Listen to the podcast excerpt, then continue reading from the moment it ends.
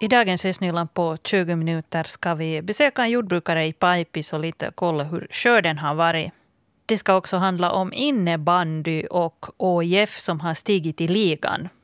Jag heter Helena von Alftan. Välkommen. Jag vet inte hur det är med er, men åtminstone jag har den senaste veckorna alltid, om jag rör mig någonstans eh, med bil, alltid lite tittat sådär på åkrarna. Att, uh, får nu de där bönderna säkert in sin skörd innan det börjar regna riktigt mycket? Det har varit emellanåt torra dagar och emellanåt riktiga skyregn. Karl-Erik Oljemark eh, i Pajpis. han odlar både spannmål och har mjölkkor. Stefan Pavola är där på plats. Jo, jag står här och tittar ut över fälten och traktorer och diverse andra maskiner och grejer och här vid vi ett sånt här, vad ska man kalla det, hölada med modern sådan just lite bort från lagom för där är en sån här mjölkmaskin och kompressor som, som, som har ett ganska hårt ljud. Så vi lite åt sidan och tittar hit ut över fälten och där är en sån här vad ska man säga, en sån här ö mitt på fälten och så där. Det är jättevackert. Dit långt, långt bort är biffkor det är så att här på Karelit Oljemarks gård så finns det cirka 100 djur varav hälften är mjölkkor och så är det ungdjur, kvigor sen och, och biffkor sen resten. Och sen kan man då titta på åkran så det ser ganska sådär nedklippt ut men grönt. Just här framför oss, är det här nu så kallad vallodling som vi har här framför oss? Det är, det är vallodling och, och, och mjölkdjurens betesmark. Och här flyttas de från ena betet till det andra han efter hur de betar ner det. Jo, vallodling, alltså där, där odlar man också då foder för djuren, det vill säga hö och sånt. Men sen är hälften spannmål. Vad är det för spannmål du odlar? No, vi odlar i huvudsak havra, korn, vårvete och höstvete. Och matärt en del. Så det är olika sorter. Hur, hur blev skörden i år då? Kvaliteten på den? Skörden var ganska, ganska normal. Höstseden var var helt hyfsad. Vårvete var, var inte så vidare för det led av torkan hemskt mycket och, och ärten likadant. Att det, det blev nog en, en väldigt dålig skörd utav det. Men, men höst, höstvete var i sig självt var ett superbra år i år. Vad betyder det här när du sa att vårvete blev dåligt och de där ärtorna blev dåliga ärtorna. Vad betyder det för dig ekonomiskt? Nu är det klart alltid nu för ekonomin är det nog väldigt dåligt. Men, men man kan inte göra något. Det är så här till vad, till vad jordbrukare. Man får ta det som det kommer. När väderleken är vad den är. Du har hållit på med det här hela ditt liv och du trivs bra? Jo, inte, inte kan jag tänka mig något annat inte. No, tillbaks till den här skörden, fick du in den i tid då? Jo, jag fick börja den i väldigt god tid i år. För att orsaken till det var det att det förstås torkan, den varma sommaren och så var det en fin vår. Vi slapp på så i god tid. Och därför gick det, körde till Berga i tidig år. Var det hektiskt då att man fick in den före regnet? Det var nog, det var verkligt. För alla sorter och sädesslag mogna efterhand. Alltså det gick till, när det, när det ena, ena sädesslaget var färdigt så kunde man börja tryska följande och, och det gick allt på i augusti månad i ett kör. Det blev långa dagar då? Det, det är ju, men vi är nog vana som mjölkbönder med långa dagar. Och det är nyttigt. Hur kan du säga, hur, hur, kan du säga ungefär hur, hur, lång en sån dag kan bli? Så länge som man orkar. Det, det, det börjar tidigt på morgonen och, och slutar när man tycker att det är bra för idag. Det kan då vara ett eller två på natten. Eller. Men det börjar för det mesta börjar det alltid halv sex på morgonen. Det är en sån här standard starttid? Det är standard start. Då, då börjar man med lagård. Här går nog en tät flygrut här över om Paipis här i Käsis här vid Käsisvägen. För det där, här, här, här kör massor med flygplan hela tiden över. De är ganska lågt som ska landa sen på, där på flygplatsen, Vandransingfors flygplats. Sjöskog som, som, som det hette tidigare. det där, vi ska gå vidare här och fundera mera på den här skörden. Du sa att den där vårvete och ärtorna var dåligt men sen resten blev då bra kvalitet. Jo, kvaliteten har varit helt, helt hygglig och, och, och det har både havre och, och havre och korn har, har, har duggit till, till handelsvara så de säger att havren gick till som grynhavra och, och, och det, det, det lyckas inte alla år det inte. Att om det regnar väldigt mycket så kommer det ett sådant mögeltal don in i havran och, och då duger det inte till livsmedel inte.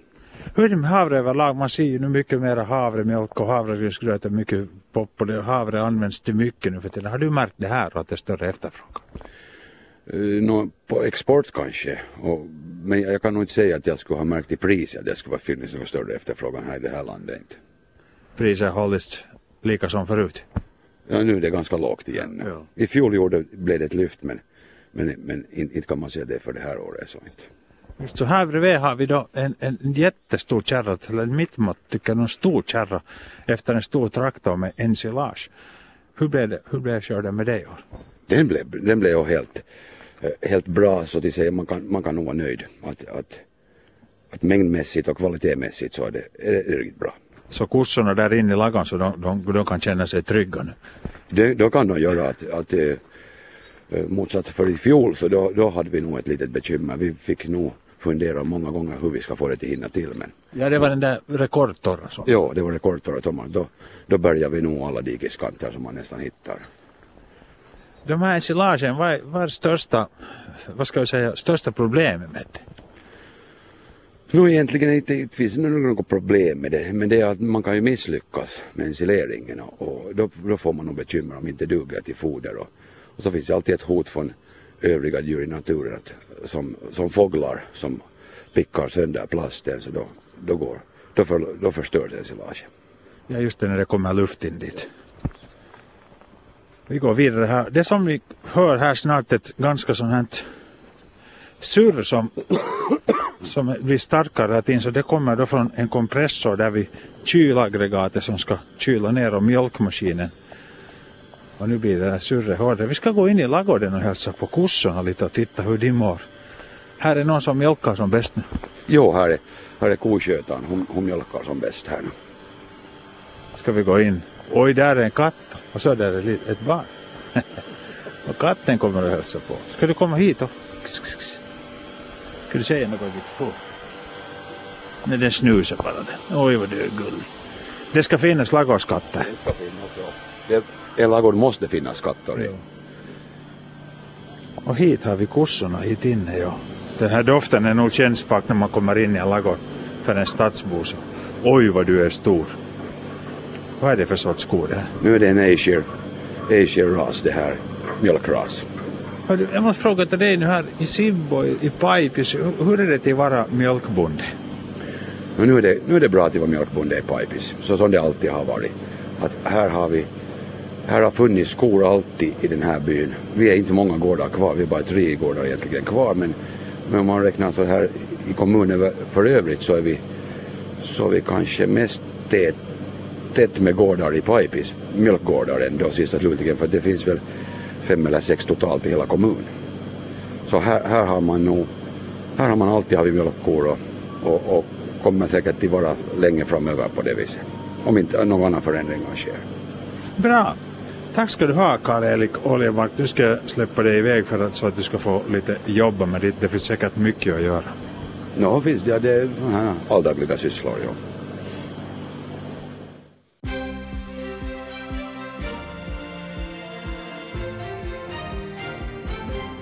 Dags för Östnyländska nyheter med Katarina Lind nu då klockan är halv sju. God tisdagsmorgon. Det är fortfarande oklart om Söderkulla skola ska flytta till Sipoonlahden koulus lokaler. Bildningsutskottet i Sibbo beslöt igår att återremittera ärendet för ny beredning och frågan ska behandlas på nytt i utbildningssektionerna. Enligt förslaget i bildningsutskottets möte skulle hyreskontraktet för paviljongerna vid Lärdomsvägen inte förlängas och eleverna skulle flytta till Sipollahden koulu från hösten 2020. Föräldrar har motsatt sig det här och samlar som bäst namn för att eleverna ska få stanna i barackerna tills deras nya skola står klar hösten 2024. Invånare i Teisala i Borgå är upprörda över de betongmassor som används som grund då man bygger en ny väg genom Teisalaskogen. Det här skriver tidningen Östnyland idag. Problemet är att det finns glasskärvor, plast, metallskrot och annat avfall i massorna. Enligt en ordsbok kan man inte gå ut med hundar på området längre eftersom här finns glas och annat vasst material. Enligt myndigheterna är ändå allt i sin ordning där. Vägen ska få en 10 cm yta av natursten i snabb takt annars måste massorna på platsen avlägsnas. Borgostads experiment med nya cykelleder, cykelfickor och gårdsgata vid Kyrkogatan i sommar har fungerat bra. Efter att cyklisterna hänvisades till gatan blev situationen lugnare för fotgängarna på Ågatan mellan Mannerhänggatans bro och Alexandersgatans bro. Bilisterna har också anpassat sig bra till cykelfickorna som innebär att cyklisterna har ett eget fält framför bilarna vid några korsningar. Cykelfickorna blir därför permanenta i staden. Det är fortfarande oklart hur det blir med Gårdsgatan vid Kyrkogatan i fortsättningen. I vinter ska ändå krukorna på gatan tas bort för att underlätta snöarbete. Staden ska också gå igenom den respons som har kommit in gällande Gårdsgatan innan man fattar beslut om en fortsättning. Centralkriminalpolisen vill få tag i en person som befann sig i Tammerfors strandtunnel den 25 augusti strax efter åtta på kvällen. Det var då som de två misstänkta för skottlossningen i Ölstens i Borgo flydde undan polisen. Polisen efterlyser nu en förare i en silverfärgad bil som befann sig i strandtunneln. Polisen efterlyser också andra iakttagelser och inspelningar från biljakten i Birkaland mellan Tammerfors och Ikalis. De kan skickas per e-post på adressen rikosvihje.krp.polisi.fi. Ådalens IFs herrlag de eh, ska spela liga innebandy den här säsongen. Uh, och säsongen ska inledas alldeles just. Uh, jag har med mig på tråden tränare Sebastian Freudenthal. God morgon på dig. God morgon, god morgon. Ehm, på våren när det då blev klart att OIF stiger till ligan, då sa du att det var bråttom att bygga laget för nästa säsong. Hur, hur har det nu gått att få ihop ett lag? Uh, lyckligtvis så, så fortsatte stommen ganska långt från, från det vad vi hade i fjol. Och, det där, och visst, visst fick vi några nya förstärkningar med i laget. Unga hungriga killar och, och det där, dessutom har vi ett bra samarbete med våra egna B-juniorer som är riktigt, riktigt duktiga att vi får, får liksom utfyllnad på träningarna, att vi kan genomföra både träningar och, och säsongen liksom med, med bred trupp. Ja, det var tal om att, att fylla upp med spelare som håller ligastandard. Hur många nya spelare blev det i herrlaget? Nå, räknar vi bort de här våra egna B-juniorer så blev det fyra, fyra nya killar. Eh, kan du berätta någonting om de här nya spelarna? No, Jonathan Flink, han kom från Lovisa, han studerar i Helsingfors, spelade förra året då i Lovisa och det där. Eh, väldigt fysisk och ung, ung kille och, och det där, han, han, är, han är kanske just en sån som som det där representerar den här nya, sort, nya innebandyn och inte, inte liksom en, den här gamla stillastående spelstilen. Dessutom fick vi äh, Mika Kosonen från Joensuu, äh, rightfattad, hårdskjutande kille. Han är också väldigt ung. Till saken hör att jag har spelat tillsammans med hans pappa i SSV på, på, på slutet av 90-talet och början av, av 2000-talet. Så att det var lite roligt att få honom med. Och det där. Sen Timmy Lindros en, en, det där, en ung back från Borgå.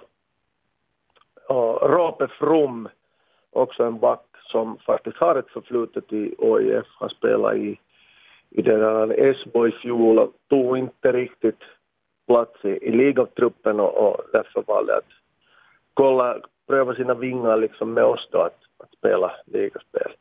Och alla de här, de är unga killar och, och det där, och liksom med tanke på framtiden också att vi, vi försöker inte göra nu en konstgjord andning här och, och bygga upp ett lag för den här säsongen för att titta vad vi gör nästa år utan vi har försökt gå in med, med långsiktig målsättning och, och det där och få, få ett lag som hålls på fötter även, ska vi nu säga om två, tre år. Är ert mål nu att bli kvar i ligan de kommande åren? Uh, vårt mål är att spela liga även nästa säsong, ja. Mm. Kommer spelsättet på något sätt att förändras i och med att ni då stiger till ligan och har lite nya unga spelare och sånt här?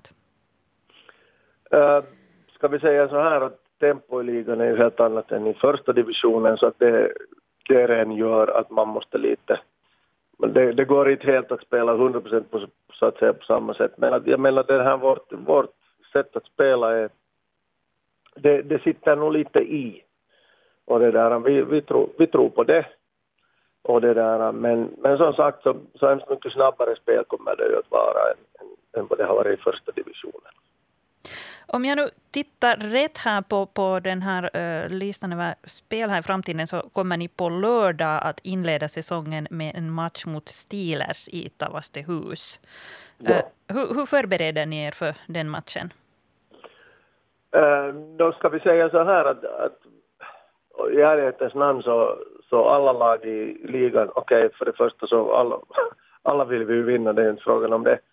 Men det där, om vi nu talar om att de här fem fem på förhand lägre tippade lagen är våra primära motståndare och Steelers, hör, Steelers hör, hör definitivt till ett av de lagen. Så det har varit kanske lite lättare att, att starta säsongen med att, att ha målsättningen på, på ett lag som med Steelers standard än att till exempel då uh, inleda med att spela mot Classic i Tammerfors.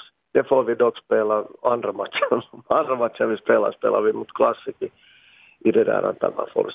Men det där, jag menar på samma sätt som tidigare år så, så vi så att säga lite hajpar upp stämningen i laget och, och det där, försöker ha fokus på det vad vi ska göra och, och lite, nu går det ju inte riktigt att, att eh, scouta motståndarna så det hemskt mycket i och med att de också har bytt, tyckte att det var 80 procent av laget har de bytt ut. Så det där, det, det hjälper inte hemskt mycket att titta på några gamla matcher från, från Steelers. Hur framtiden riktigt ser ut för Söderskulla skola är ännu oklar. Eh, I de här bildningssektionerna i Sibbo så hade man redan fattat beslut om att Söderkulla skola skulle flytta till Siponlahden koulus lokaler. Men nu när det var uppe i bildningsutskottet igår så beslöt man för att eh, återremittera ärendet för ny beredning, det vill säga att det ska behandlas på nytt. Fredrika, varför gjorde man så här? Ja, om vi börjar så att det var alltså så, inte så att sektionerna hade beslutat att det skulle bli så här, utan de eh, för, föreslog för bildningsutskottet att man skulle göra sig av med de här paviljongerna som finns där nu och istället då eh, flytta skolan till, till baracker där, eller från barackerna till det här eh, Siponlahden koulu från och med nästa läsår. Eh, jag ringde upp Antti Skogs där nu som är ordförande för bildningsutskottet och SFP-are eh, och frågade varför man nu valde då att återremittera det här. Och han konstaterade att bakgrunden ju var den att sektionerna hade fått fel info. Det här berättade vi också i fredags när vi pratade med Hem och skolaordförande Hanna Hörhammer där i Söderkulla. Bland annat så hade sektionerna fått höra att eh, hyran för de här barackerna skulle vara ungefär 1,2 miljoner euro i året, men att det, eh, det stämmer inte, utan de är egentligen 600 000 euro i året. Så att det var en sådan felaktighet som fanns där. Och därför tyckte bland annat Antti Skogstad, då, som är ordförande i bildningsutskottet, att det bästa alternativet skulle vara att sektionerna på nytt får ta ställning till det här ärendet, så att de har rätt basinformation. Och det blev ett enhälligt beslut där i utskottet. Eh, det som också hade kommit fram där var att dagvården också skulle eventuellt behöva nya lokaler där i södra Sibbo. Så därför ber man nu om en utredning om hur stort deras behov är. Att ska man kunna samlokalisera dem också där i de här paviljongerna så att säga. Men att vi kan höra ett litet klipp här med, med Antti Skogstad. Det var alltså betydligt, betydligt fel eh, beräknat den här hyran. Och det, det, jag skulle säga att det är liksom väsentligt för, för det där Eh, en, en av de där väsentliga orsakerna varför sektionerna säkert också beslöt på det här sättet. Men, men det där, så, så nu får de, de, får, de får nu säga på nytt. Det, det, kan ju hända att det kommer lika, men det kan hända att det kommer ett annat svar. Det, där, det, det får vi se sen, det är ju sektionernas sak. Men med samma så, så tycker jag att de får liksom tvätta ansiktet och, och, och det där, äh, tvätta händerna så att säga av ett, ett, ett felaktigt beslut. Så att Antti Skogster, SFP här. Precis, och sen äh, sa han också här nu att den här behandlingen kommer ändå att gå ganska snabbt nu.